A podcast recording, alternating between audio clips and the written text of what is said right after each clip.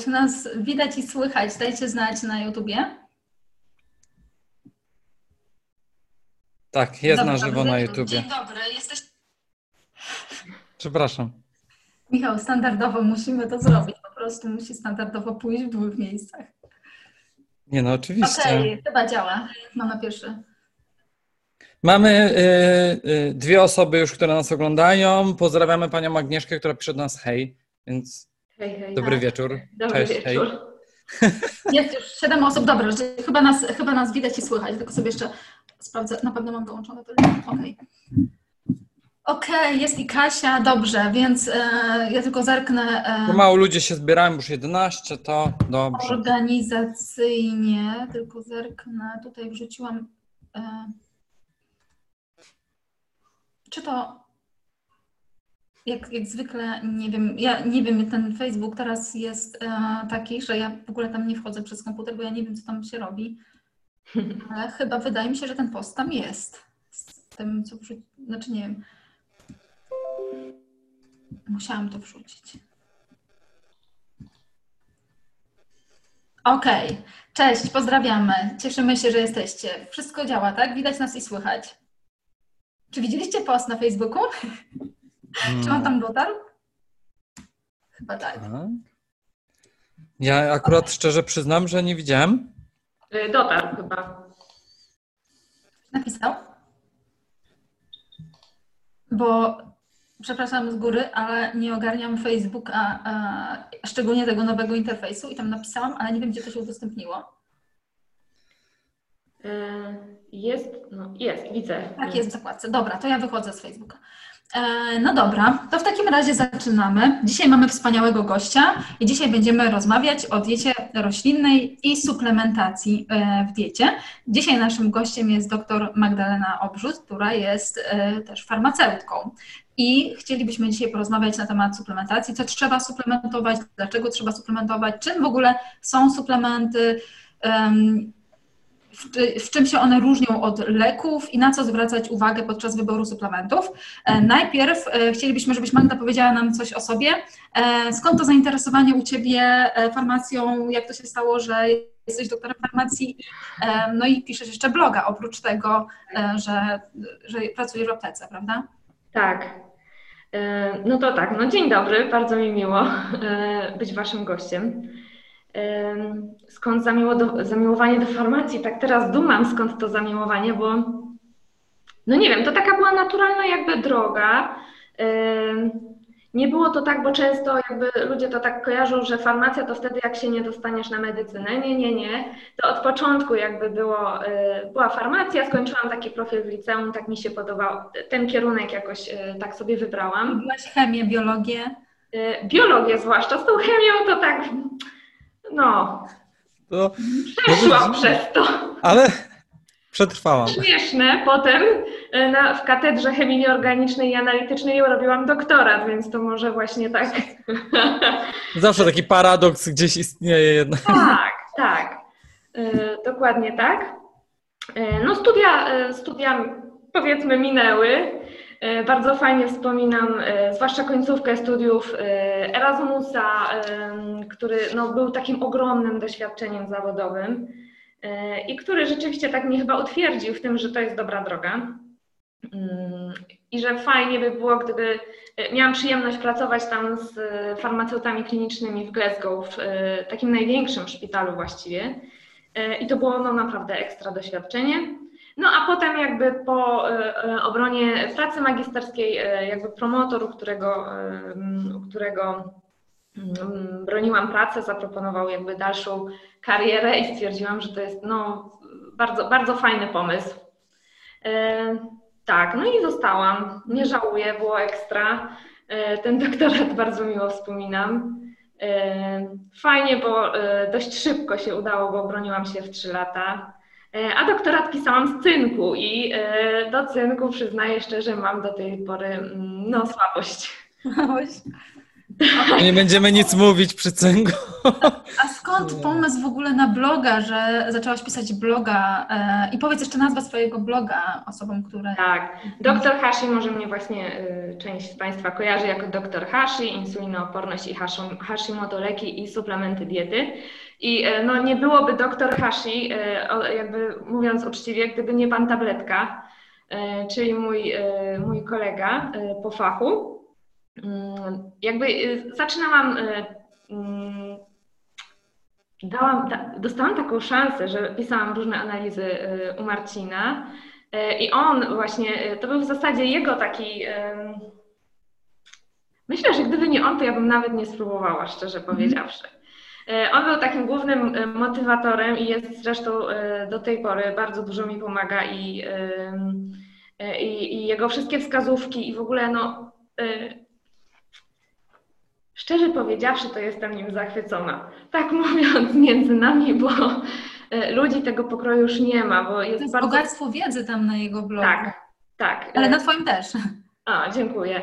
E, oprócz tego, e, że jest nieprawdopodobnie solidny merytorycznie, to jest bardzo życzliwym człowiekiem, więc jakby rzeczywiście no uwierzyłam, że to się uda i tak poszło. I tak e, połączyłam trochę tą pasję, która mi została z doktoratu właśnie naukową, e, no z takim, takim e, też jakby doktor Hashi urodziła się w trakcie mojego ma urlopu macierzyńskiego, więc to był też taki trochę sposób na powrót do ludzi. Więc tak, no Okej, okay, super. I też na, tym, na swoim blogu głównie skupiasz się na temat y, choroby Hashimoto i insulinooporności, prawda? Tak. I niedoczynności tarczycy, ale y, tylko w kontekście leków i suplementów diety, czyli tą taką ściśle farmaceutyczną działkę. Mhm, mhm. Czyli wykonujesz y, po prostu tam swoją właśnie działkę, swoją pracę. E, no dobra, to co? To przechodzimy może do naszego tematu. Czym w ogóle powiedz nam, bo pewnie dużo osób zadaje sobie to pytanie, czym w ogóle jest suplement, jeżeli mamy już coś suplementować, tak, na tej diecie roślinnej i czy w ogóle ta dieta, to o tym, o tym jeszcze za chwilę porozmawiamy, co tam w ogóle musimy suplementować, ale czym jest suplement i czym on się różni od, od, od leku? Mhm. To jest super pytanie i zawsze. Yy E, właściwie każdy swój wykład zaczynam od różnicy między suplementem diety a lekiem e, i bardzo często pojawiają się takie oskarżenia, że ja demonizuję trochę suplementy diety. Absolutnie tak nie jest e, i też właśnie chciałabym od tego zacząć, że nie jest tak, że te suplementy diety są Y, są złe. No nie, niejednokrotnie to jest jedyny wybór, bo w wielu jakby działkach, tutaj w preparatach dostępnych bez recepty, nie mamy wyboru między suplementem a lekiem, bo akurat wszystkie są suplementami, jak w przypadku na przykład selenu. Nie mamy selenu w postaci y, leku dostępnego y, ani na receptę, ani bez recepty. Natomiast dlaczego warto wiedzieć, co to jest lek? I mieć też świadomość, że jeśli mamy wybór między lekiem a suplementem diety, to zawsze lepiej jest wybrać lek. Z tego, z tego względu, że tutaj przede wszystkim różne są cele stosowania. E, lek ma na celu leczenie, e, e, leczenie jakiejś jednostki mhm. chorobowej, natomiast suplement diety to jest tak de facto traktowany troszkę jak żywność w kontekście farmaceutycznym. Czyli tutaj on ma zapobiegać ewentualnie wspomagać uzupełnianie niedoborów wynikających ze źle zbilansowanej diety. I oprócz tego, że te cele stosowania są zupełnie różne, e, to tak naprawdę tutaj e, ścieżki jakby bezpieczeństwa e, stosowania też będą różne, z tego względu, że przy leku, który ma za zadanie leczyć, te wszystkie tutaj mm, raz, że wprowadzanie na rynek jest zupełnie inne, ale również monitorowanie późniejszego działania, działań niepożądanych, interakcji e, w przypadku, e, w przypadku leku, to jest wszystko ściśle e, udokumentowane i podlega jakby stałemu monitorowaniu przez inspektorat farmaceutyczny. Natomiast w przypadku suplementu diety, to tutaj traktujemy to jako żywność, czyli one podlegają de facto przez, pod głównego inspektora y, sanitarnego, czyli pod Sanepid. Y, I tak naprawdę to no tutaj jakby nie mamy informacji y, na temat czy działań niepożądanych, czy interakcji. Możemy to też sprawdzić bardzo prosto, na przykład szukając informacji w ulotce czy w karcie charakterystyki produktu leczniczego. Czyli w przypadku leku mamy konkretne informacje, jakie są wskazania do stosowania przede wszystkim, czyli w jakich jednostkach chorobowych możemy stosować lek jakie są działania niepożądane, jakie są interakcje, czego możemy się spodziewać. Natomiast w przypadku suplementu diety bardzo często jest to tylko opakowanie, zasadzie na ogół jest to tylko opakowanie, gdzie tych informacji jest bardzo mało. I to są takie podstawowe, bym powiedziała, mm, takie podstawowe e, różnice, czyli przede wszystkim cel stosowania, bo tutaj mamy leczenie, tutaj mamy e, profilaktykę, bym powiedziała, no i bezpieczeństwo i wskazania do stosowania. Oprócz tego samo wprowadzanie na rynek leku, a suplementu diety jest zupełnie inne, bo w przypadku suplementu diety wystarczy po prostu zgłosić chęć wprowadzenia suplementu diety na rynek i y, przedstawić projekt opakowania. I to jest tyle. Natomiast jeśli chodzi o lek, no te procedury są bardzo rygorystyczne i tutaj trzeba spełnić szereg wymogów.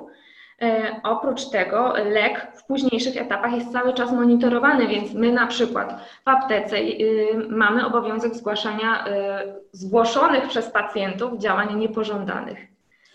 E, więc tutaj jest cały czas y, kontrola nad lekiem. Zresztą też nawet w mediach często pojawiają się informacje, że została wycofana jakaś partia leku, prawda? No to to też świadczy o tym, że ktoś nad tym czuwa, że to jest jakby cały czas monitorowane i kontrolowane.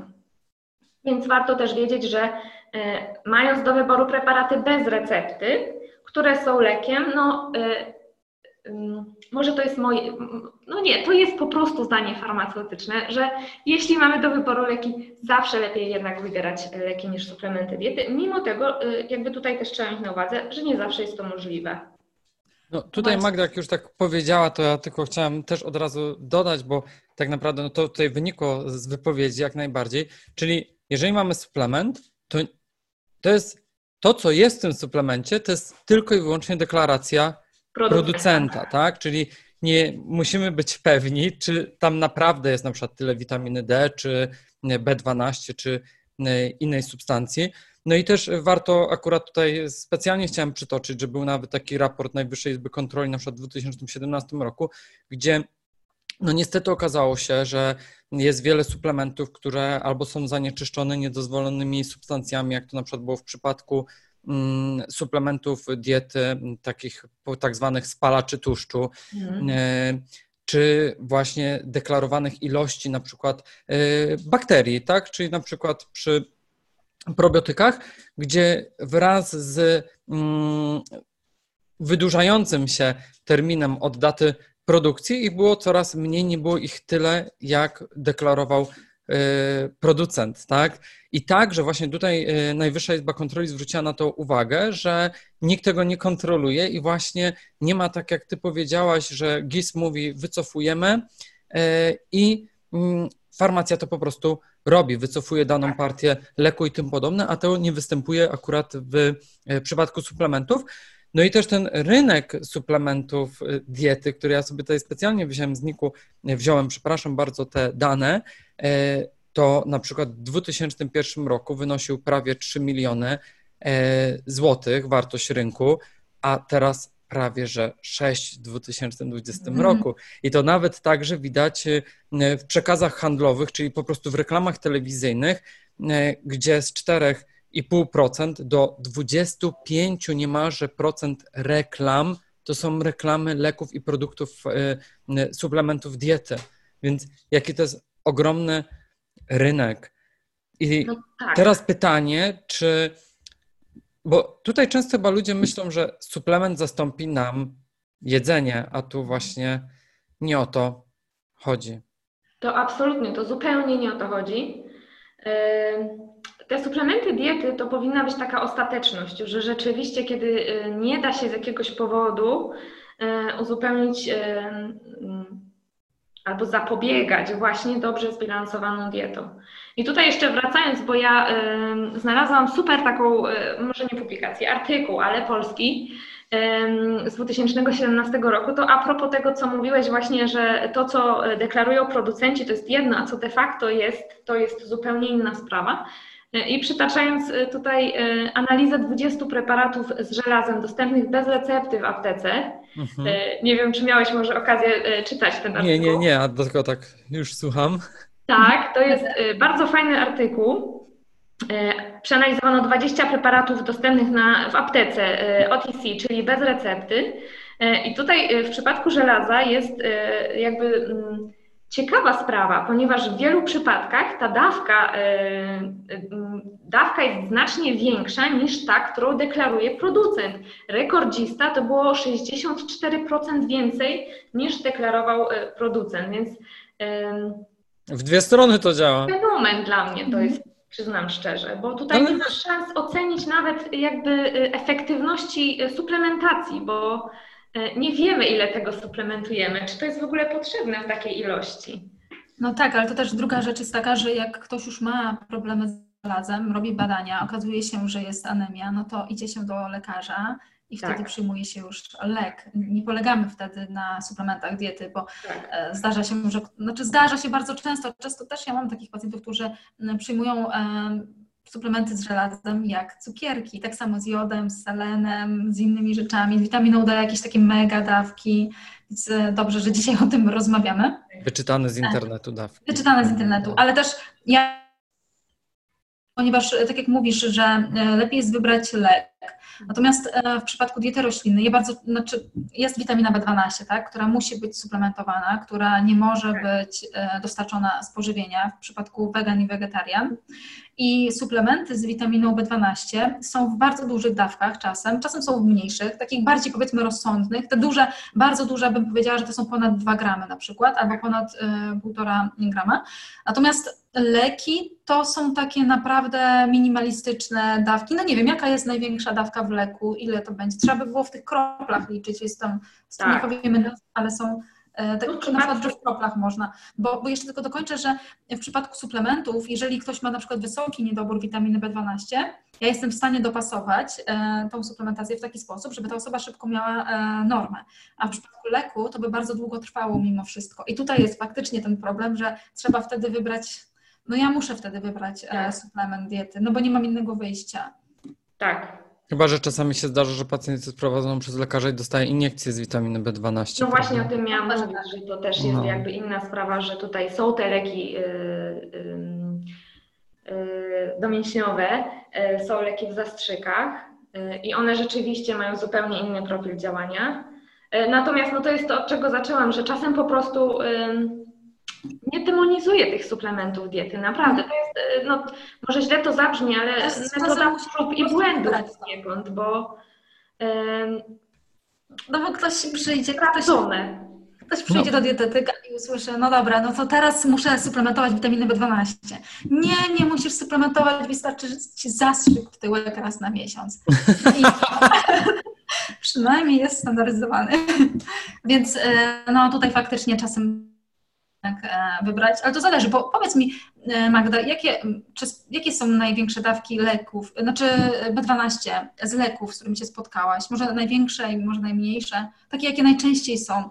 Nie chodzi mi o nazwy firm oczywiście, tylko o dawki. Mhm. Czy, czy, kojarzysz teraz? 500 mikrogram to, był, to jest w tej chwili bez recepty e, największa dawka. Natomiast w 2019 roku, w ubiegłym roku, y, wyszły takie, że tak powiem, rozporządzenia zespołu do spraw suplementów diety i oni y, określili maksymalne dawki w suplementach diety i właśnie między innymi określali je dla witaminy B12 i w przypadku nowo wprowadzanych preparatów y, ta dawka to będzie 100 mikrogramów. Mhm. Więc o. też tak, no taka drastyczna bym powiedziała. Mm, no, znaczy różnica. Spokojnie, 10 tabletek dwa razy w tygodniu. No bo powiedziałaś 500 mikrogramów, bo, bo mi nawet, już możemy nawet o tej B12, jak już mówimy, to powiedzieć o, o tych dawkach, tak? Bo, bo mi chodzi nawet o to, że to nie jest tak, że trzeba suplementować szczególnie takimi wysokimi dawkami, te 2 gramy, bo ja bym nawet chyba nie polecała tych 2 gramów, ale 100 mikrogramów, ja często też widzę u swoich pacjentów, że oni mają niższy poziom niż na przykład osoby, które przyjmują 10 czy 5 mikrogramów regularnie codziennie, tak. albo osoby, które przyjmują 250, 500 y, codziennie, albo na przykład 1000 mikrogramów, um, 1000 mikrogramów raz na kilka dni, na przykład raz na 3 dni.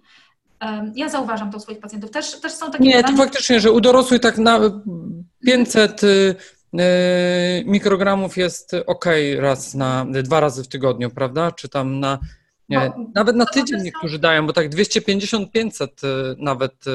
Yy, to zależy od diety, prawda? Od tego, dzień, ile jest produktów powodzenia zwierzęcego w diecie, bo czy to jest też dieta wegetariańska, czy, czy wegańska, a to zależy od diety, ale też są badania, w których jest informacja, ile się mniej więcej przyswaja tej diety z dawki. I jeżeli to jest na przykład dawka niska, to przyswaja się około 50%. Jak jest coraz wyższa dawka, to przyswaja się coraz mniej. I z tej dawki, e, nie pamiętam dokładnie, ale powyżej na pewno 100 mikrogramów, przyswaja się około 1%. Więc faktycznie wtedy, jak ktoś jest na diecie roślinnej i musi mieć te 2,4, osoba dorosła, nie będąca w ciąży, no to, to musi więcej tej e, witaminy suplementować w ciągu dnia, albo e, na przykład raz na trzy dni, tak? I wtedy już jest problem z tym lekiem. Ale jak mówisz, że jest 500 mikrogramów lek, o to można po ten lek e, sięgnąć i na przykład codziennie suplementować ten lek 500 mikrogramów albo raz na dwa dni. Tak. I to akurat jest na przykład metylokobalamina, więc mhm. co innego niż cyjanokobalamina. No tutaj zdania są podzielone co do formy. Ja osobiście przyznam, że mam dobre doświadczenia z metylokobalaminą, e, mimo tego, że jakby ona technologicznie na pewno jest trudniejsza do utrzymania trwałości tutaj, prawda, ale e, jakby pacjenci na ogół e, jakby no, efekty są w porządku, tak. Ja, ja powiem od, od, siebie jeszcze dodam, że bo ta cyjanokobalamina, ona jest tak jakby powiedzmy najstarszym suplementem tak. B12 i teraz jest demonizowana, bo jest coraz więcej tych suplementów z metylokobalaminą. Cyjanokobalamina jest takim najbardziej przebadanym suplementem, ale metylokobalamina teraz jest tego coraz więcej i ja też zalecam pacjentom i widzę, że to działa. I myślę, że to nie ma dużej, dużego znaczenia raczej chyba, e, którą z tych e, form się będzie suplementować, tylko jaka jest dawka i, i jak ją dobierzemy do tak. danej osoby i do diety. Więc ja też bym też, też już bym tej metylokobalaminy nie, nie demonizowała. Jakiś czas temu miałam trochę inne zdanie, ale to też dlatego, że dużo firm, które e, produkuje metylokobalaminę, jednak oni piszą gdzieś tam na swoich e, stronach, gdzieś tam na opakowaniach, że to jest najbardziej dostępna, najlepsza forma witaminy B12, co, co, co nie jest prawdą, tak. więc no. I ta cyjanokobalamina jest tańsza zazwyczaj, więc to tak. też zależy od kieszeni od, e, od dawki. Chyba dawka jest tutaj jednym z takich najważniejszych według mnie. No, to jest najważniejsze, żeby tę tak, dawkę tak. dobrać wtedy indywidualnie. Bo hydroksykobalaminy chyba nie ma tak normalnie w aptece, prawda? Tej formy e, hydroksy. Jest w zastrzykach właśnie. Zastrzykach. Ona jest w zastrzykach. Tak, tylko w zastrzykach. No bo nas się z suplementów chyba gorzej e, przyswaja tak. wtedy mm. cyjanokobalamina. Teraz jeszcze wiem, że ta adenozylokobalamina e, jest w suplementach, aczkolwiek nie wiem, czy ona jest w Polsce. No ale w każdym razie nie wiem, czy, czy chcecie jeszcze o B12 rozmawiać, czy przejdziemy... Jeszcze tak, tak, o B12 tylko zapytam, e, mm, jakie jest e, Wasze podejście do tego? No tak, mówimy, że tam młodzież, tam od 13-14 roku życia, osoby dorosłe, 25-250 mikrogramów dziennie albo 1000 e, mikrogramów dwa razy w tygodniu. No i właśnie, czy lepiej przyjmować codziennie czy dwa razy w tygodniu? Jaka jest tutaj Wasze zdanie? To może Magda zacznij, później ja powiem, bo możemy Własną opinię też na ten temat. No tak, bo to tutaj mi też jak, chodzi jak, jak po prostu na naszych, to co... Praktycznego. E, widzę, że jeżeli mm, pacjenci na początku mówią, nie, to lepiej dwa razy w tygodniu dużą dawkę, a później wychodzi, że o kurczę, no zapomniałem, tak? A jak na przykład biorę jeszcze, nie wiem, witaminę D, inne rzeczy, no to jest po prostu łatwiej mi się wydaje jednak brać to codziennie, ale to chyba już zależy indywidualnie od pacjenta, bo czy biorą tak, czy tak, to dla mnie tutaj wyniki pacjentów są takie same, są ok po prostu. Jak ty, Magda, uważasz? Ja też, ja jestem raczej właśnie zwolennikiem codziennego stosowania, mimo wszystko. Ja tak samo. Wiecie co, bo według mnie. Bo nawet niektórzy mówią raz w tygodniu 2000. Yy, znaczy, Jeszcze ja jest czasami. No ja tego nie robię. To, to, ja tylko powiem ze swojego doświadczenia na moich pacjentach, jak przyjmują właśnie raz w tygodniu, czy tam dwa razy w tygodniu 2000, że jednak mają, nie wiem czy suplementują regularnie, bo też nie dopilnujemy ich, ale ja widzę, że te osoby, które regularnie suplementują nawet te 10 mikrogramów, czasem mają wyższy poziom, czasem mają wyższe, lepsze wyniki niż te osoby, które te 2 gramy biorą raz czy tam dwa razy w tygodniu. I ja zazwyczaj jednak staram się mówić pacjentom, żeby e, codziennie suplementowali, bo to po prostu wchodzi w rutynę i wtedy tak, jest im łatwiej e, nawyk. zapanować. Niż na przykład, a, czy to dzisiaj spróbowałem tą B12? Czy już powinnam, czy to teraz, czy nie? Przy okazji, to, to przejdźmy sobie do pierwszego pytania, bo pamiętam było pytanie e, na Insta- z Instagrama, czy jeżeli zapomnę jednego dnia o czymś, o dawce suplementu, to czy powinnam brać e, następnego dnia podwójną dawkę? Teraz pytanie do Ciebie, Magda. Nie, nie, to niestety tak nie działa. To niestety tak nie działa, no jakby trzeba już po prostu żyć dalej i e, systematyczność już sobie włączyć e, w następnych dniach, ale no nie ma sensu w zasadzie zażywać podwójnej dawki. Nie ma jakby no też może nie da się y, tutaj y, powiedzieć jednej uniwersalnej prawdy, ale w większości przypadków. No to też zależy od preparatu, prawda? Otóż właśnie, ale w większości przypadków mm, jest to tak, że y, więcej nie znaczy lepiej. To nie znaczy, że nam się więcej wchłonie, lepiej zadziała i będzie szybszy efekt. Nie, to po prostu właśnie wymaga systematyczności i no i no, no raz się zdarzyło, trzeba machnąć ręką po prostu i zażyć na standardową dawkę na drugi dzień. A, bo to raz ktoś raz sobie przypomniał, że nie wziął. Nie wziął. E, no dobra, kolejne pytanie. To też było pytanie właśnie z Instagrama. E, z posiłkiem, czy pomiędzy posiłkami? E, czy to było pytanie do jakiegoś konkretnego preparatu? Nie. O, wiedziałem, że właśnie... Właśnie, i to jest dobra odpowiedź, dlatego że to wszystko Dokładnie. zależy od tego, jaki to jest preparat. Tak? To. Tutaj nawet powiem szczerze, że nie można powiedzieć że jakiś jeden konkretny związek można stosować, e, pewnie, że są takie leki, e, w których na przykład ważny jest e, Jezu, żebym ja teraz nie zabrnęła w... w, w... Co na ulotce to sprawdzić, prawda? Z Właśnie, bo może się okazać, że na przykład jedna substancja, ale e, tabletka, kapsułka jest inaczej, e, w inny sposób uformowana, czyli profil uwalniania się zupełnie zmienia i mimo, że to jest ta sama substancja, ale w innych preparatach, e, sposób zażywania będzie inny. Czyli nie ma tutaj absolutnie jednej uniwersalnej y, odpowiedzi. Trzeba właśnie najlepiej y, albo zapytać y, farmaceuty w aptece, albo przeczytać na ulotce. Bo też te suplementy mogą ze sobą wchodzić w interakcję, prawda? Ze składniki suplementów, magnez na przykład z wapniem, z żelazem, z cynkiem i tak dalej. Tak. Też czasem, też czasem jest tak, że znaczy, no, to tak samo jak na przykład jakbyśmy suplementowali, załóżmy, żelazo do posiłku z tofu, czy z jakimś posiłkiem, z jakimś nabiałem, tam będzie wapń, to też będzie wchodzić ze sobą w interakcję, prawda? Więc też e, coś się tam gorzej przyswoi. A z magnezem też jest tak, że, e, znaczy trzeba czytać przede wszystkim, e, kiedy te suplementy przyjmować, ale z magnezem też jest tak, że na przykład zależy też o jakiej porze weźmiemy, to też ma trochę inne działanie, bo tak. na noc jak się weźmie szczególnie jabłczan, to akurat efekt wypróżnienia się rano będzie lepszy. To dla pacjentów, którzy mają zaparcia na przykład. Taka no tak. dygresja. No tak jak witamina D spożywana w posiłku, w którym znajdują się tłuszcze, prawda, no bo jest rozpuszczalną w tłuszczach witaminą, więc tutaj także należy to na to uważać i myślę, że e, to jest y, zdanie, które na końcu każdej reklamy y, leci, że jeżeli masz jakieś wątpliwości, zapytaj farmaceuty, więc zapytaj farmaceuty tak. lub dietetyka i, y, i oni ci po prostu pomogą i powiedzą, jak przyjmować te suplementy. Tak. Pytanie jeszcze przy okazji tych interakcji. Multivitaminy. O. Mamy wszyscy takie samo zdanie, okej. Okay. No właśnie. No, no co mogę powiedzieć? No nie. Przepraszam, aż śmieszne. Zapadła taka niezręczna cisza o, multi, o multivitaminie. E, nie chcemy się nawet wypowiadać. E, bo z reguły ja powiem, jaki jest problem w tych multivitaminach. Znaczy, bo są też dobre multivitaminy. Na przykład dla kobiet ciężarnych są takie, które mają fa fajny ten skład, no ale nie jest ich dużo dużo, prawda?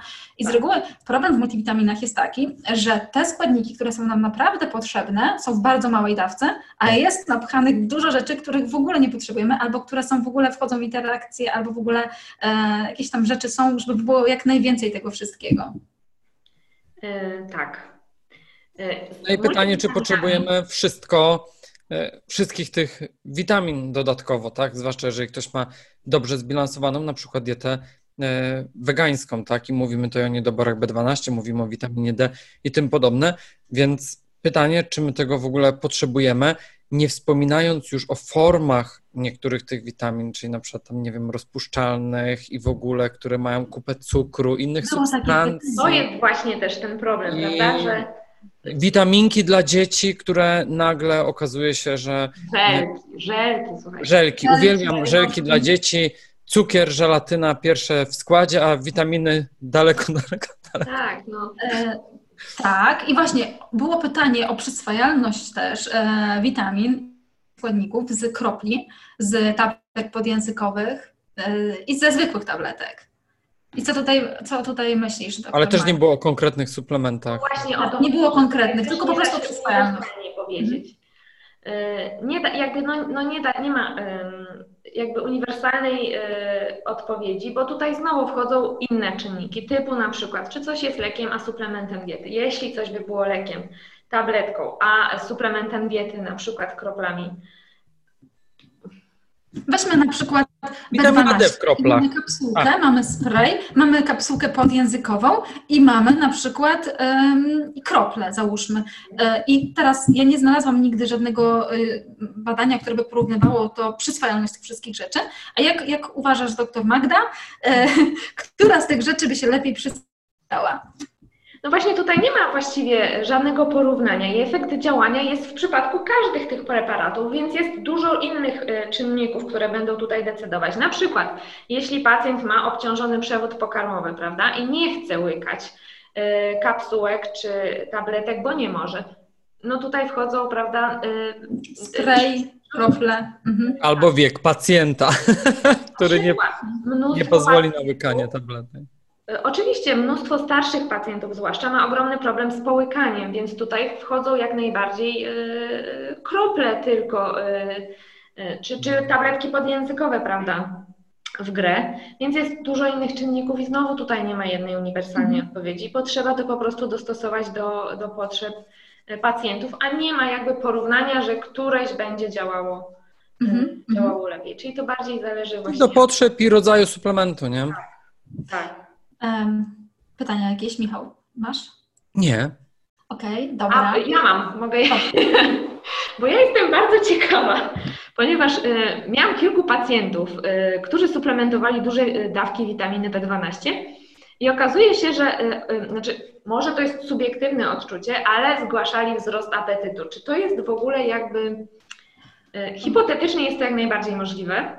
Bo, a, bo, bo ja z Tobą też rozmawiałam raz na ten temat, że tak, tak, mówiłaś, a e, ja nie znalazłam takich. Ja tak samo. Ani danych, ani w ogóle od pacjentów nic, nigdy nie zauważyłam tego, jak pracuję. E, jedyne co, znaczy nie wiem, ty to zauważasz w, aptece, że zgłaszają?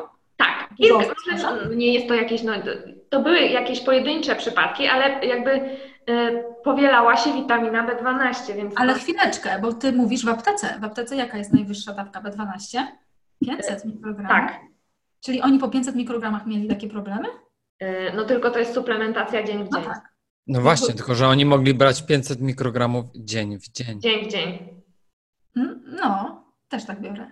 Nie, nie no, wiem, ale... ja jedyną e, taką rzecz, którą mi pacjenci czasem zgłaszają, zwłaszcza e, młodsze osoby i na przykład, no czy kobiety, czy mężczyźni to akurat nie ma, no to czasami zmiany trądzikowe, że tak.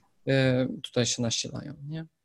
Tak, B12 niestety może nasilać, e, znaczy może aktywować te bakterie, które są odpowiedzialne za trądzik, więc niektóre osoby są bardziej wrażliwe na to i faktycznie jak podnosi się u nich stężenie witaminy B12 w surowicy, to też niestety ten trądzik się może aktywować, nasilać. I co ciekawe, ja też czasem mam pacjentów, którzy nigdy wcześniej nie mieli takich problemów i dopiero po suplementacją B12 to mieli. Ale to są bardzo rzadkie przypadki. Mhm. Nie spotkaliście, znaczy Michał. Nie, no tak. Ja się... Magda, y, bo, bo to nie wiem, czy to jest w tych fulotce B12 z tym lekiem, że, że są te zmiany trądzikowe. Nie Zacznijmy od tego, że moje suplementy na przykład, y, które ostatnio widziałem, nie miały żadnej ulotki. No, no, bo to jest właśnie to, że suplementy nie muszą mieć jakby... No, Dobrze, że Iwona to powiedziałaś, no bo powiedzmy sobie szczerze, czasami faktycznie są na przykład y, y, suplementy, które faktycznie mają jakąś ulotkę. Nie jest to taka informacja stricte farmaceutyczna jak przy leku, ale coś jednak jest. Mhm. To też chyba mm, może świadczyć o tym, że ta firma Mm, no, że ten suplement może jest jakoś bardziej wartościowy. Nie wiem, Magda, co na ten temat sądzisz, jeżeli takie dane producent jednak podaje i bardziej się stara, czy to jest po prostu takie mm, pokazanie, że omyl, żeby człowiek się może pomylił, że to jest tak jak lek, nie wiem, co o tym sądzisz? E... Może tutaj praktycznie tak zmierzamy, jak wybrać suplement tak naprawdę, no bo jak wybrać suplement? Tak, to jest bardzo dobre pytanie. No bo skąd ja mam wiedzieć, znaczy skąd ja mam wiedzieć? No, mówimy, że pacjent przyjmuje witaminę B12, e, on tam ma metylokobalaminę, e, stoi 5 i, i co dalej?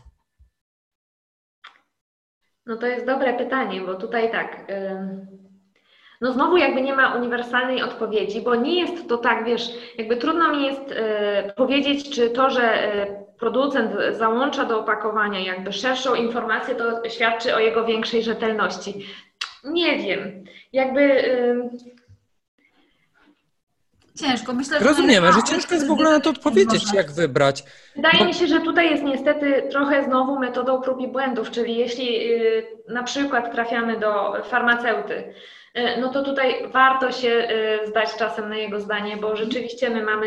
Mm, Super informację zwrotną od pacjentów, którzy albo zgłaszają, że czują się po czymś gorzej, albo zgłaszają jakieś konkretne dolegliwości, albo wracają, bo to mi rzeczywiście pomogło, no i jakby tak trochę tworzy się no tak samo przypuszczam u Was, prawda, że, że mhm. raz... Ja mam jeszcze taki jeden sposób czasami, tylko że mówię czasami, bo to nie dotyczy wszystkich suplementów, tak? Czyli na przykład jeżeli coś jest lekiem i suplementem i dany producent robi lek i suplement, i na mhm. przykład ja chcę akurat suplement, dlatego Bo że ma, nie wiem, ma mniejszą dawkę, na przykład suplement ma większą, nie będę tak, tutaj mówił o czym mówię, na przykład, no to wtedy na przykład, nie wiem, takie mam mniemanie, tak mi się wydaje, że skoro robią ten lek i jest ta sama nazwa i wszystko, mhm. tylko robią to w suplemencie w innej dawce, to że wydaje mi się, że Chyba że to będzie to samo, tylko trochę bardziej. Oczywiście, tak, no, tak jak powiedziałaś, no... Że standardy będą zachowane. Końca, tylko, że właśnie chodzi o takie standardy po mhm. prostu. No pytanie, czy na przykład dużym utrudnieniem dla pacjenta jest zażywanie dwóch tabletek. Albo osiem leku. Bo może tak być. Tak, ale czasami to jest też y, nie tyle, y, nie tyle problem y, ilości zażywanych tabletek, jak i ekonomiczny po prostu, tak? tak że jednak tak, na tak, przykład tak, bardzo często, oczywiście, że tak. Że będą tańsze na przykład, to jasne. bardziej się opłacało po tak. prostu pacjentowi, nie? Pewnie. Pytanie jeszcze o tą standaryzację, żebyś nam może powiedziała, bo jak już o tych standardach, to jak, o co chodzi z tą standaryzacją suplementów? Tak, standaryzacja przede wszystkim oczywiście dotyczy leków roślinnych, czyli tutaj e, e, tak, e, oczywiście berberyna się ciśnie na usta jako przykład, było pytanie na Instagramie o berberynę, więc e, możesz też powiedzieć e, coś na ten temat, ale o tej standaryzacji właśnie. O standaryzacji. Standaryzacja to jest taki proces, e, który jakby, może tak, no proces, który pozwala sprawdzić, czy w, danej, w danym surowcu i w jakiej ilości znajduje się substancja czynna, czyli my mamy pewność, że to nie jest tylko sproszkowany surowiec, tylko mamy informację, że w tym surowcu jest E, substancja czynna, która odpowiada za działanie, mhm. E, za efekt działania e, i no tutaj dawka, dawka też jest istotna, czyli ile tej substancji czynnej rzeczywiście w tym surowcu jest. Oprócz tego mamy taki drugi parametr, czyli DER, który jakby mówi, to jest taki no, stosunek ilości surowca do y, ilości substancji pozyskanej, tej substancji czynnej, działającej, y, y, odpowiadającej za efekt y, działania. I to są dwa takie parametry, które rzeczywiście jest bardzo łatwo sprawdzić, bo to wystarczy spra- rzucić okiem na opakowanie, a daje nam taką jednoznaczną odpowiedź, prawda, że to jest preparat standaryzowany, że tam mamy rzeczywiście tą substancję, która będzie wywoływała efekt, czyli tak, wywoływała efekt, to jest mhm. dobre sformułowanie, i ewentualnie ile jej tam jest. Czyli mamy wybór wtedy, suplement, który jest standaryzowany i po prostu widzimy, tak. że faktycznie jest to i wtedy już wiemy, co wybrać. Tak, tak, to jest duże ułatwienie. Jakby, a tak jak mówię, to jest bardzo szybkie do sprawdzenia i, e, i bardzo jakby łatwe e, sobie tutaj do mhm. E, przyswojenia, do analizy. O, okej. Okay. E, ja tylko dodam jeszcze, bo, tym, bo no, nie chcemy też przedłużać, żeby, nie było, żeby ten live nie był zbyt długi, że o berberynie, bo było pytanie przez Instagram na, o berberynie i insulinooporności, że e, ty Magda pisałaś artykuł chyba na ten temat, masz u siebie na blogu? Tak, tak. Czy na tabletki na blogu, więc można tam po prostu pójść i poczytać, bo bardzo wartościowy artykuł. Bardzo dziękuję. Czytałam. Tak, przepraszam, berberynę, tak, jest mhm. przerobione w prawo i w lewo, więc...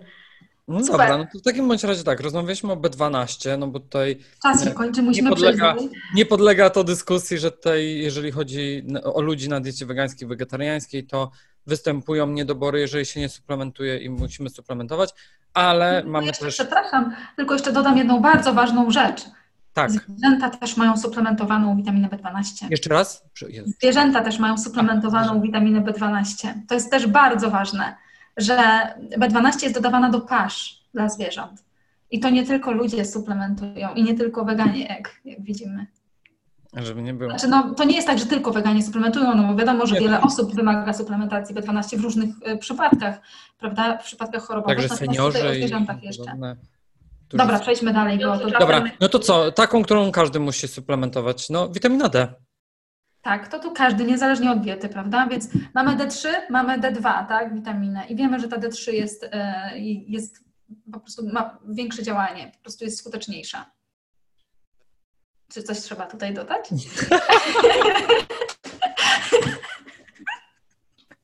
Nie, no mamy tutaj... Może, może, że są takie suplementy, gdzie jest e, D3 i D2 w jednym. To tak. trzeba zobaczyć, jaki, jaka jest dawka D3 w tym suplemencie, bo bo tylko ona będzie działać. No właśnie, to jest ciekawe. No i to, że tutaj mamy mm, w przypadku D3 wybór pomiędzy lekiem a suplementem tak, i lekiem bez recepty, prawda? No i oczywiście kwestia dawki tutaj też zostaje, bo e, jakby jest, e, no mówiąc wprost, moda na, e, prawda, na i rzeczywiście w aptece też obserwujemy, że jest duże dawki witaminy. Coraz większe są te dawki dostępne bez recepty. E, no i kwestia tego, czy rzeczywiście są potrzebne aż takie, więc. Dlatego, że. Nie powiem o tej dawce. Magda, e, w jakiej dawce największej występuje suplement e, witaminy D3? Znaczy witaminy D w ogóle. W tej chwili 6 tysięcy jednostek. 6 tysięcy. To dużo. Okej, okay, a lek? Lek to jest, zdaje się, tylko, no, no to już jest... Jeżeli to jest ten lek, o którym ja myślę... Nie powiemy żadnych nazw. To wiem, tak, że ma... ja nie mówię, ale no chciałam zaznaczyć, że to jest przede wszystkim... Bez recepty. A bez recepty? Bez recepty. Tak, dokładnie, bo wiadomo, że jak recepty, jak są te krople, no to tu też, no to inaczej się Właśnie, y, nawet y, nie krople, ale y, w preparatach na receptę i to tutaj trzeba powiedzieć, że to są potrzebne preparaty, ale z przepisu lekarza przy bardzo dużych zagrażających niedoborach. Dokładnie. E, I to są już ogromne ilości jednostek, ale to są leki z przepisu lekarza, więc jakby tutaj to jest odrębna sprawa. A e, leki, e, właśnie teraz analizuję, ale jeśli myślimy o kroplach. Tabletki są chyba tysiąc jednostek największe. Tysiąc jednostek to jest największy, natomiast krople to jest 500 jednostek w jednej kropli. Mhm. Dostępne bez recepty. Problem jest z roślinnymi suplementami, znaczy może nie z suplementami, z lekami z witaminą D, bo tak naprawdę nie mamy opcji leków roślinnych. Więc... Nie, właśnie ja tak y... zaczęłam dopiero to... Ja nie pytam o to. Y, sobie tutaj analizować i jest bardzo duży problem, bo o ile y, jeszcze jakby można próbować, no, no nie, no po prostu nawet nie ma w czym kombinować za bardzo. No. Tutaj nawet wszystkie te wypełniacze czy y, substancje, które są potrzebne do uformowania kapsułki czy tabletki, no to tutaj już kapsułki bardziej. Tak, i ta, ta forma też D3 y, pochodzenia zwierzęcego, ona jest no, oczywiście przede wszystkim. Więc E, no więc nie mamy żadnej opcji roślinnej, więc jak ktoś chce być takim ścisłym weganinem, to zostają tylko suplementy z witaminą D. I co? Tak. Możemy sprawdzać, brać te, który, które wiemy, tak mamy podejrzenie, że to jest dobra firma, tak? tak. E, brać i badać witaminę D, przynajmniej raz do roku, i sprawdzać, jaki jest e, efekt. Czy nam się utrzymuje. Czy jest efekt, a w przypadku jego braku po prostu. Bo, bo, może nie być efektu, tak, bo tu też trzeba zwrócić uwagę na to, że ja też mam czasem pacjentów, którzy biorą jakiś suplement przez dłuższy czas, okazuje się, że nie ma efektu faktycznie, bo ten suplement po prostu nie działał. Przy witaminie D2 tak mi się zdarza czasami. Przy witaminie D2 mi się tak niestety zdarza zawsze. Aha. Ale. E, nie, to ja mam takich, którzy przyjmują. Chociaż wiesz, ja nie wiem, może oni mówią, że zawsze tylko D2, a może tak naprawdę raz mają tak, raz tak, bo sami do końca nie wiedzą, no bo umówmy się, że też nasi pacjenci czasami no, nie, nie do końca są świadomi, też nie muszą, tak. Y, y, też powiedzmy tutaj mm, że czasami się zdarzy, że chcą wegański suplement, a dostaną zwykły i, i wezmą, bo, bo wierzą, że dostali wegański, nie sprawdzą. Tak. Więc no to też jest bardzo ważne, że, że też my, to nie jest tak, że my nakłaniamy te osoby, żeby suplementowały e, tylko roślinne wersje, tak? Więc jeżeli ktoś chce wybrać lek, nie jest ścisłym weganinem, no to okej, okay, no to super, tak, że niech sobie bierze lek. E, druga rzecz, że są te D3 e, z porostów linczen, roślinne formy, więc opcjonalnie można to. To jest teraz bardzo dostępne wszędzie, bo kiedyś pamiętam kilka lat temu nie wiem, no z 5 lat temu to nie było na tyle dostępne jak teraz i był ten e, D2 suplement bardzo e, powszechny. Teraz tego D2 jest coraz mniej, coraz mniej. I też pamiętam, że kiedyś czytałam badania, gdzie ten D2 suplement faktycznie działał, ale to było tak, że ktoś suplement, że to osoby, te osoby suplementowały bardzo duże dawki i wtedy to było porównywalne do D3. Teraz jak mamy wybór D3 lub D2, no to wiadomo, wybieramy D3, ten z porostów lińczący jest oznaczony, że, że jest roślinny, no ale zawsze musimy badać i sprawdzać, czy to faktycznie działa. No i najlepiej nie wybierać jakiejś firmy krzak, która, e, no, która nie wiemy, czy, czy... Ja myślę, że jeszcze D2 zadziała, jeżeli połączy się to z ekspozycją na słońce w miesiącach od czerwca do września. Albo jemy pieczarki wtedy naświetlane pod lampą UV. I wtedy też faktycznie... Przepraszamy, to takie drobne nasz, nasz joke, ale... Wtedy na pewno ta D2 także powinna działać dobrze. Czy coś tutaj dodajemy do witaminy D? Nie, witaminę D stosujemy. I... Kolejny problem e, w diecie roślinnej jest taki, że nie mamy chyba też leku z kwasami omega-3 pochodzenia roślinnego, prawda? Bo to musiałyby być właśnie te kwasy omega-3 z alg. I e, nie mamy niestety takich leków, mamy tylko suplementy. Mhm. I w aptece są takie suplementy, e, prawda, z kwasami omega-3 roślinnymi. Co, e, też są takie suplementy, więc można też zakupić w aptece. E, na szczęście coraz więcej osób, coraz więcej firm też zwraca na, na to uwagę, więc coraz więcej firm e, w ogóle robi takie opcje roślinnych tak. suplementów. I to jest faktycznie problem, że nie mamy leków też. Ale chyba nie ma też leków. W ogóle nie ma, w ogóle nie ma i tutaj raczej nie, nie będzie. Mhm. Z tymi y, omega-3 w ogóle jest jakby no problem, szczerze powiedziawszy, i, i jakościowy bym powiedziała, mhm. jeśli chodzi o preparaty dostępne. Mm. Trans, wątroby rekina i z jakichś tam... No właśnie, ile tych wątrób rekina e, doktor Hashi musi Ile tych rekinów musi po prostu zostać zabitych, żeby te tabletki stworzyć? Może, może przemilczę to. No ale tak ludzie mówią, bo ja biorę i ja biorę właśnie z wątroby rekina. No. Co się może dziać e, z tymi suplementami? Właśnie one są zanieczyszczone często. To jest, to, to jest jakby najważniejsze, że tutaj nie ma badań i raczej nie przypuszczam, żeby pokazały się badania na temat y, zanieczyszczenia tych, y, tych preparatów, prawda? Przede wszystkim metalami ciężkimi. Więc y, no fajnie, że są, ale no właśnie, to są suplementy diety. Co do jakości, trzeba badać wątrobę przy suplementacji. No, zwłaszcza, Ale na ja przykład... się tutaj boję w przypadku zawsze suplementu, bo tak jak mówisz, standaryzacja i tym podobne, tak? Więc tutaj wy w farmacji macie cały ten proces farmaceutyczny, transportu yy, i wszystko. To jest po prostu yy, jednym wielkim obiegiem. I w przypadku na przykład suplementów, które one na przykład, powiedzmy, te kwasy omega 3, że one mogą być, nie wiem, przewożone w ciężarówce, w której będzie 60 y, stopni, bo będzie w upał przewożonych, y, tak, że one tutaj... mhm. mogą stracić swoje właściwości, mogą być nieprawidłowo przechowywane i tym podobne. Co do leków, no tego się pilnuje, tak? Jest chociażby ten łańcuch chłodniczy i tym podobne, nie? Już się nie mogłam doczekać, żeby odpowiedzieć, dlatego. Przepraszam, a ja mówię jeszcze. Właśnie. Ja przepraszam, bo tak w słowo wchodzę, ale tutaj jeśli chodzi o na przykład temperaturę, to naprawdę nie ma się czym martwić, ponieważ niezależnie y, czy to jest suplement czy lek, y, to jest wszystko bardzo ściśle monitorowane, y, w jakiej temperaturze mają być przewożone i przechowywane. Czyli jakby temperatura dotyczy wszystkich preparatów, czy to w transporcie, czy w aptece. I to jest rzeczywiście bardzo ściśle przestrzegane i kontrolowane. W aptece. I w transporcie też.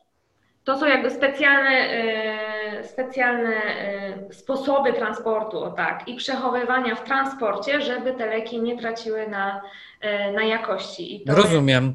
A jak później ten lek idzie do paczkomatu z jakiegoś tam internetu? Ostatnio wyczytałam, że paczkomaty są chłodzone. Tak? A, to ja przepraszam, to zwracam. Ale mam pytanie. Nie, nie, no żartuję. Znaczy są podobno chłodzone, ale nie, dobra, bo tu mnie zastanawiało, że apteka to apteka, tak? Tylko, że suplementy diety mogą też być sprzedawane, stacja benzynowa. Oczywiście, że tak. I tutaj bez zdań. To jest właśnie to, z czym my cały czas jako farmaceuci mam nadzieję, że mówię jakby w, w imieniu wszystkich farmaceutów, walczymy i myśl, mam nadzieję, będziemy walczyć, bo tutaj właśnie nie ma żadnej kontroli nad tym. Mhm. E, czy to właśnie, tak jak mówisz, na stacjach benzynowych, czy w sklepach spożywczych, nie mamy pojęcia, ani to jest w jakiej temperaturze jest przechowywane, e, ani w jakich warunkach. Więc... że jest sklep, nie ma klimatyzacji. Otóż to. No. Pytanie mam. Znaczy, przede wszystkim jeszcze tylko chciałam dodać, że te suplementy z alg, te roślinne, no można powiedzieć, że są lepsze, prawda? Bo te algi są uprawiane pod kontrolą. Bardziej są tak jakby, powiedzmy, że nie są tak zanieczyszczone jak e, suplementy z, e, z wątroby rekina, prawda? Raczej powiedzmy, że na pewno tak jest. Ja bym się z tym zgodziła, tak. Rzeczywiście. To są bardzo często polecane kobietom w ciąży suplementy. No tutaj jest właśnie znowu pojawia się problem preparatów złożonych, bo z jednej strony jeśli chodzi o grupę docelową kobiet w ciąży, no to to, jest, to są na ogół dobre preparaty, bo dawki są dostosowane do potrzeb, ale z drugiej strony rzeczywiście pojawiają się właśnie yy, kwasy omega, nie wiemy jakiej jakości, bo jakby to sobie trzeba e, otwarcie powiedzieć, że nie ma na to badań. No to jest kwestia zaufania, więc. Y, Dokładnie. Jeszcze mam bardzo ciekawe pytanie. Olej lniany, ponieważ wiemy, że kwasy omega-3 są różnego rodzaju, mamy te omega-3, które są w suplementach, w rybach i tak dalej, ale też jest kwas alfa-linolenowy, który jest w oleju lnianym. I teraz, bo olej lniany można kupić w aptece. Tak. On jest przechowywany tam w lodówce, prawda? Tak. I to jest właściwe miejsce, gdzie powinniśmy kupić olej lniany, apteka. Tak. I przechowujemy później w domu w lodówce i on ma krótką datę ważności. Nie kupujemy oleju lnianego w innych miejscach, nie kupujemy na bazarkach, szczególnie jak sobie gdzieś tam masą w jakichś tam małych sklepikach i tak dalej, kupujemy w aptece. Tak, i to jest prawda. I powiem szczerze, że w wielu aptekach y, jest też tak, że y, olej liniany zamawia się na przykład pod pacjenta, jak my to mówimy, czyli mhm. dopiero przychodzi pacjent, mówi, że jakby chciałby kupić y, olej liniany i bardzo często zamawiamy jakby specjalnie dla pacjenta właśnie ze względu na tą krótką datę. Ale tu też przede wszystkim mamy pewność, że ten olej jest właściwie przechowywany. I tutaj mam pytanie o tą krótką datę. Wiem, że już tutaj nas czas trochę goni, tylko pojawiły się na rynku takie oleje lniane, które mają długą datę ważności. I czy wy o tym słyszałyście i potraficie nie, nie Nie słyszałam jeszcze o tym, ale boję się uwierzyć. I nie no to na pewno. Istnieją takie, tak? No bo ile standardowo, y, coś mi kolory zmieniają, y, ile standardowo mm, taki olej jest ważny? Zachowuje swoje właściwości. No tak około trzech miesięcy chyba. Czy, tak. A ja ostatnio, a ja ostatnio znalazłem taki, który był rok czasu ważny. Ja nie używam oleju lnianego. Nie Tylko jest... chciałem powiedzieć, że znalazłem taki i także tej pani, bo to na, mm, no w takim miejscu ze zdrową żywnością i zapytałem jej właśnie, ale jak? Mm, no i mówi, że bo jest dobrze przechowywany. No, to... No, cóż mogę powiedzieć? Też należy na to właśnie zwracać uwagę i na pewno to powinno dać trochę do myślenia, że coś tu może być nie tak. Kupujemy olej lniany w aptece. Tak. W aptece. Dokładnie. Pamiętajcie o tym. E, no dobra, e, nie powiedzieliśmy o cynku. Nie wiem, może to innym razem, bo już jest prawie dziewiąta. Czy nam wybaczysz? Czy...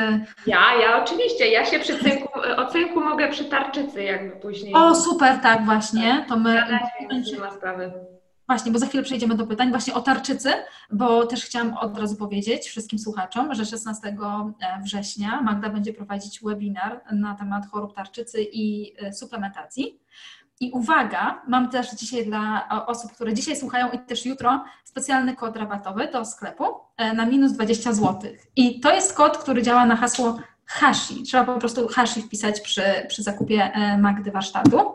E, będzie o cynku, o żelazie, o wszystkich suplementach, które są e, w chorobach tarczycy. Nie tylko Hashimoto, prawda? Tylko po prostu przy chorobach tarczycy. Mhm. Ale dużo też powiem na pewno o lewotyroksynie, czyli przede wszystkim mhm. niewyczynność tarczycy. E, ale dlaczego ja zawsze o tej lewotyroksynie mówię? Dlatego, że w tej chwili jest ogrom pacjentów. No, ta, ta ilość pacjentów rośnie w tak drastycznym tempie, że właśnie fajnie jest mówić o tym, że to musi być bardzo świadome zażywanie, bo to jest jeden z najczulszych leków, jaki może być.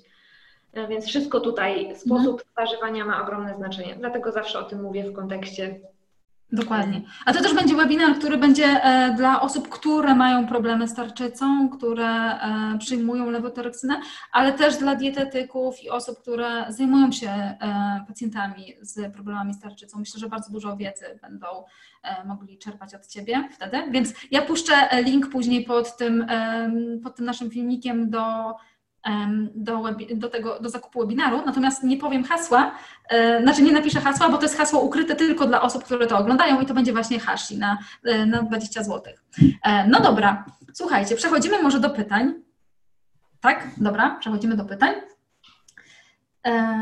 Co my tutaj mamy w pytaniach? Nie mamy za dużo pytań. Aha, jeszcze my chyba odpowiedzieliśmy na wszystkie te pytania. Tutaj jest trochę. Na większość, na dużo już odpowiedzieliśmy w, w, trakcie trwania webinaru. Tak, dokładnie, w trakcie trwania. A tutaj też część z tych pytań, o które, które były zadane na Instagramie, to były pytania, które dotyczyły e, też innych rzeczy, a my chcemy się skupić w tym miejscu na, tylko na suplementacji. E, I tutaj były pytania na przykład, czy rytynę. No to Michał ma na to odpowiedź. No, mm, nie, no nie mogę tak odpowiedzieć. Ogólnie zapas żelaza w organizmie. Dokładnie. Tak? O, no już Iwona odpowiedziała, bo ja miałem troszkę inną odpowiedź, jak tak rozmawialiśmy między e, sobą, ale tak, tutaj pamiętamy, że tutaj jest zapas, a nie żelazo, tak? Więc jak najbardziej no nie, nie możemy suplementować. Nie możemy suplementować. Mm, dalej mamy, e, tutaj były pytania o konkretne nazwy suplementów i tak dalej. To nie możemy niestety podać konkretnych nazw. Ale mówiliśmy o dawkach, więc to też jest bardzo dużo wiedzy. Suplementacja przy niskiej ferytynie, jak naturalnie podnosić. To też mieliśmy e, live w zeszłym ty dwa tygodnie temu o żelazie, o więc żelazie. To, tak, tak, więc do tamtego najlepiej jest wrócić. Mieliśmy o żelazie, też jest artykuł na blogu na ten temat, więc tam jest wszystko opisane, jak naturalnie podnosić.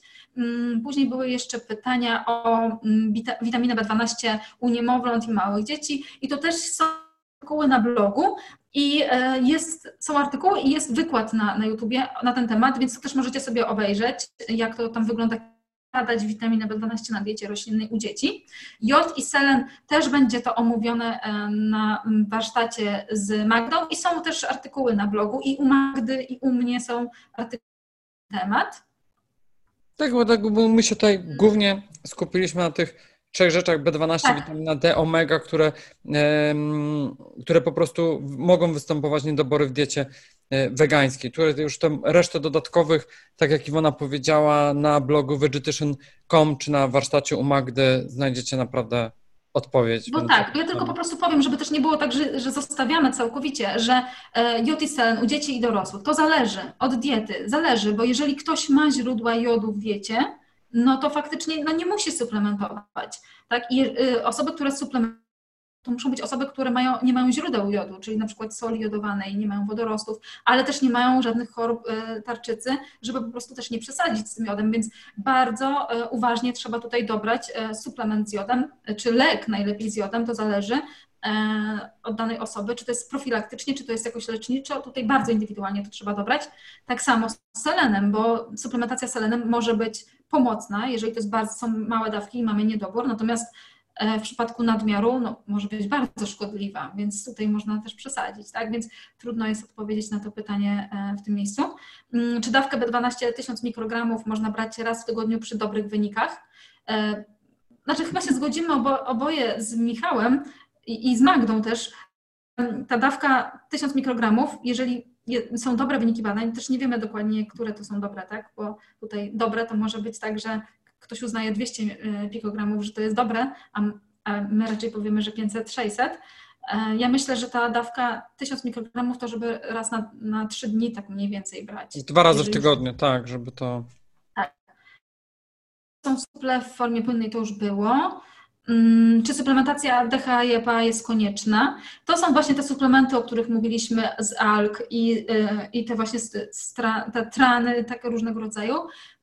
Czy ona jest konieczna? No nie jest konieczna, bo to zależy od diety, zależy czy ktoś e, je ryby, czy ma inne źródła omega-3,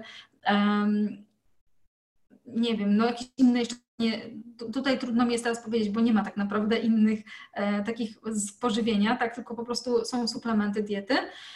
I czy jest konieczna? To też zależy, powiedzmy, można zbadać też kwasy omega-3, wysycenie erytrocytów kwasami omega-3, żeby zobaczyć, czy tego potrzeba na pewno. Ja bym chyba polecała raczej profilaktycznie tą suplementację, jeżeli nie jemy ryb, nie mamy w diecie źródeł i e, nie wiemy dokładnie, czy, e, czy kwas alfa-linolenowy nam się dobrze e, konwertuje z tego powiedzmy oleju lnianego czy siemienia lnianego. Jeżeli jeszcze używamy to siemię lniane, tak? tak? Bo to jeszcze umówmy się, tak, dlatego że ja siemię lniane, inne rzeczy, one no, nie są po prostu używane za często, Dokładnie, dlatego że no, na przykład ma y, olej specyficzny smak, nie każdemu na przykład odpowiada i dużo osób po prostu nie chce, y, no ale można zawsze też do y, smoothie czy coś zmielić po prostu len, i, a nie kupować zmielony, bo tutaj tylko powiem, przepraszam jeszcze na koniec strącę, żeby nie kupować zmielonego siemienia lnianego, dlatego że ono jest po prostu odtłuszczone, czyli my nie mamy tego, czego oczekujemy od niego, więc normalne ziarenka i i powiem Wam nawet szczerze, że ja, jeżeli nawet mówię pacjentom, że jeżeli nie chcą e, pić oleju, tak, dodawać do sałatek i tym podobne, bo im nie odpowiada, jak najbardziej mogą także sobie, nie wiem, ziarenka zmiksować, mhm.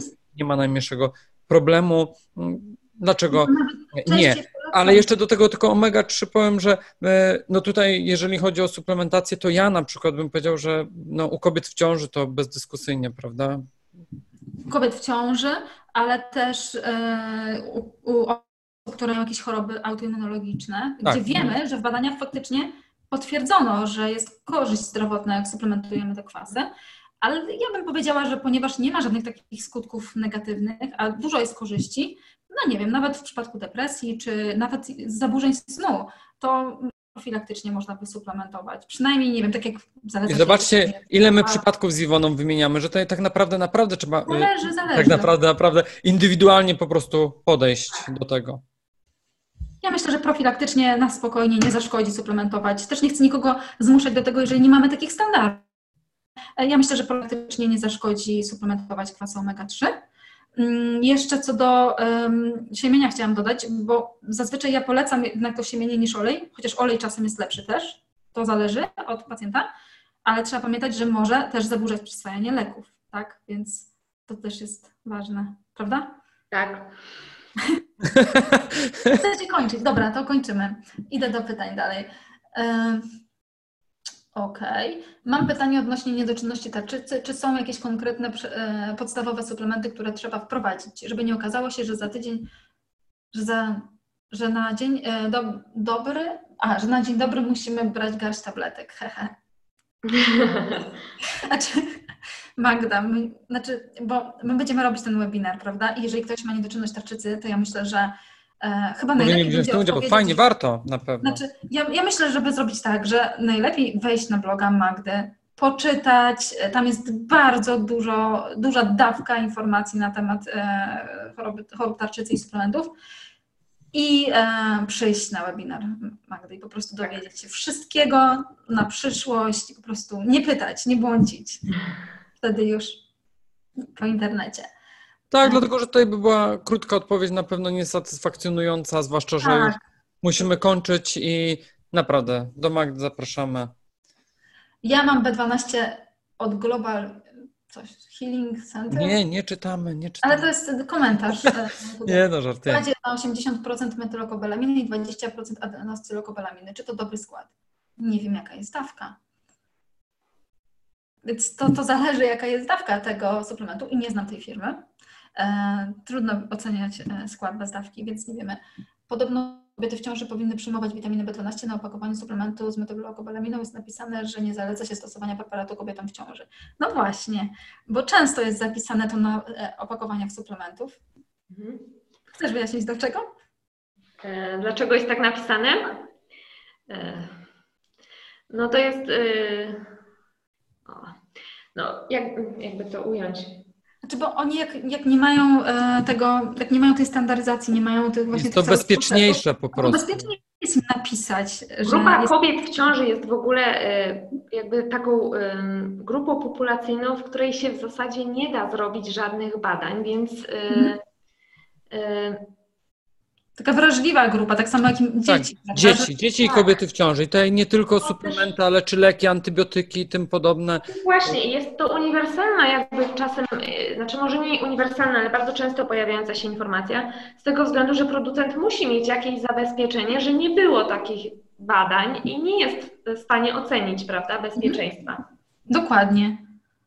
Wtedy my musimy e, decydować, czy To, o czym trzeba też pamiętać, to ym, zaufać swojemu lekarzowi, bo jeśli y, lekarz zdecyduje, że należy wprowadzić taką suplementację, a w przypadku kobiet w ciąży to jest y, grupa pacjentów o suplementacji, której powinien, y, prawda, jakiejś ponadnormatywnej decydować lekarz, to należy jemu zaufać, bo jakby no, mm, jest to jakby autorytet, prawda? Dokładnie. Tylko cza- czasem też jest tak, że jak czasem, bo jeżeli to jest e, kobieta na przykład w ciąży, jest na diecie roślinnej i musi suplementować witaminę B12 i na przykład nie powie lekarzowi, że jest na diecie roślinnej, albo lekarz uzna, że ta suplementacja, no to tak niespecjalnie tam jest potrzebna witamina B12, ale my wiemy, że jest potrzebna. Wtedy może być faktycznie problem, bo czasem mi się zdarza mieć pacjentów, pacjentki, które nie suplementowały, dlatego że dowiedziały się, usłyszały, że nie powinny i miały później niedobory tej Oczywiście, Więc tutaj tak. trzeba po prostu jeszcze dodatkowo dietetyka w takim przypadku, jak się jest na diecie. Tak, oczywiście, że tak, że, że tutaj trzeba szukać jakby informacji. No, w przypadku kobiet w ciąży też jest e, jakby tutaj, e, w mojej opinii też e, warto szukać, dlatego że pojawia się znowu jakby wybór pomiędzy na przykład lekiem a suplementem diety, więc warto drążyć, więc e, no tutaj tak jak mówisz, pojawiają się niedobory, problem jest i nie wolno go bagatelizować i trzeba jakby wybrać to, co dobre. E, Dobrze. Dobra, Tutaj tu już nas trochę pytanie. ludzie opuszczają. I Tak, no- ja już kończymy w takim razie. Tutaj widzimy, że są jeszcze e, lek D3 10 tysięcy w planach, 20 tysięcy na receptę. Nie rozumiem pytania. E, no dobra. E, W każdym razie zapraszamy na bloga Magdy. Tam jest bogactwo po prostu wiedzy. E, Magda jest też na Instagramie i na Facebooku, prawda? Prawda? Więc możecie Magdę miejscach. E, Zapraszamy serdecznie, odwiedzajcie, czytajcie, dowiadujcie się faktycznych, sprawdzonych informacji. A my zapraszamy Was też za tydzień Tak, za tydzień. na nasz kolejny do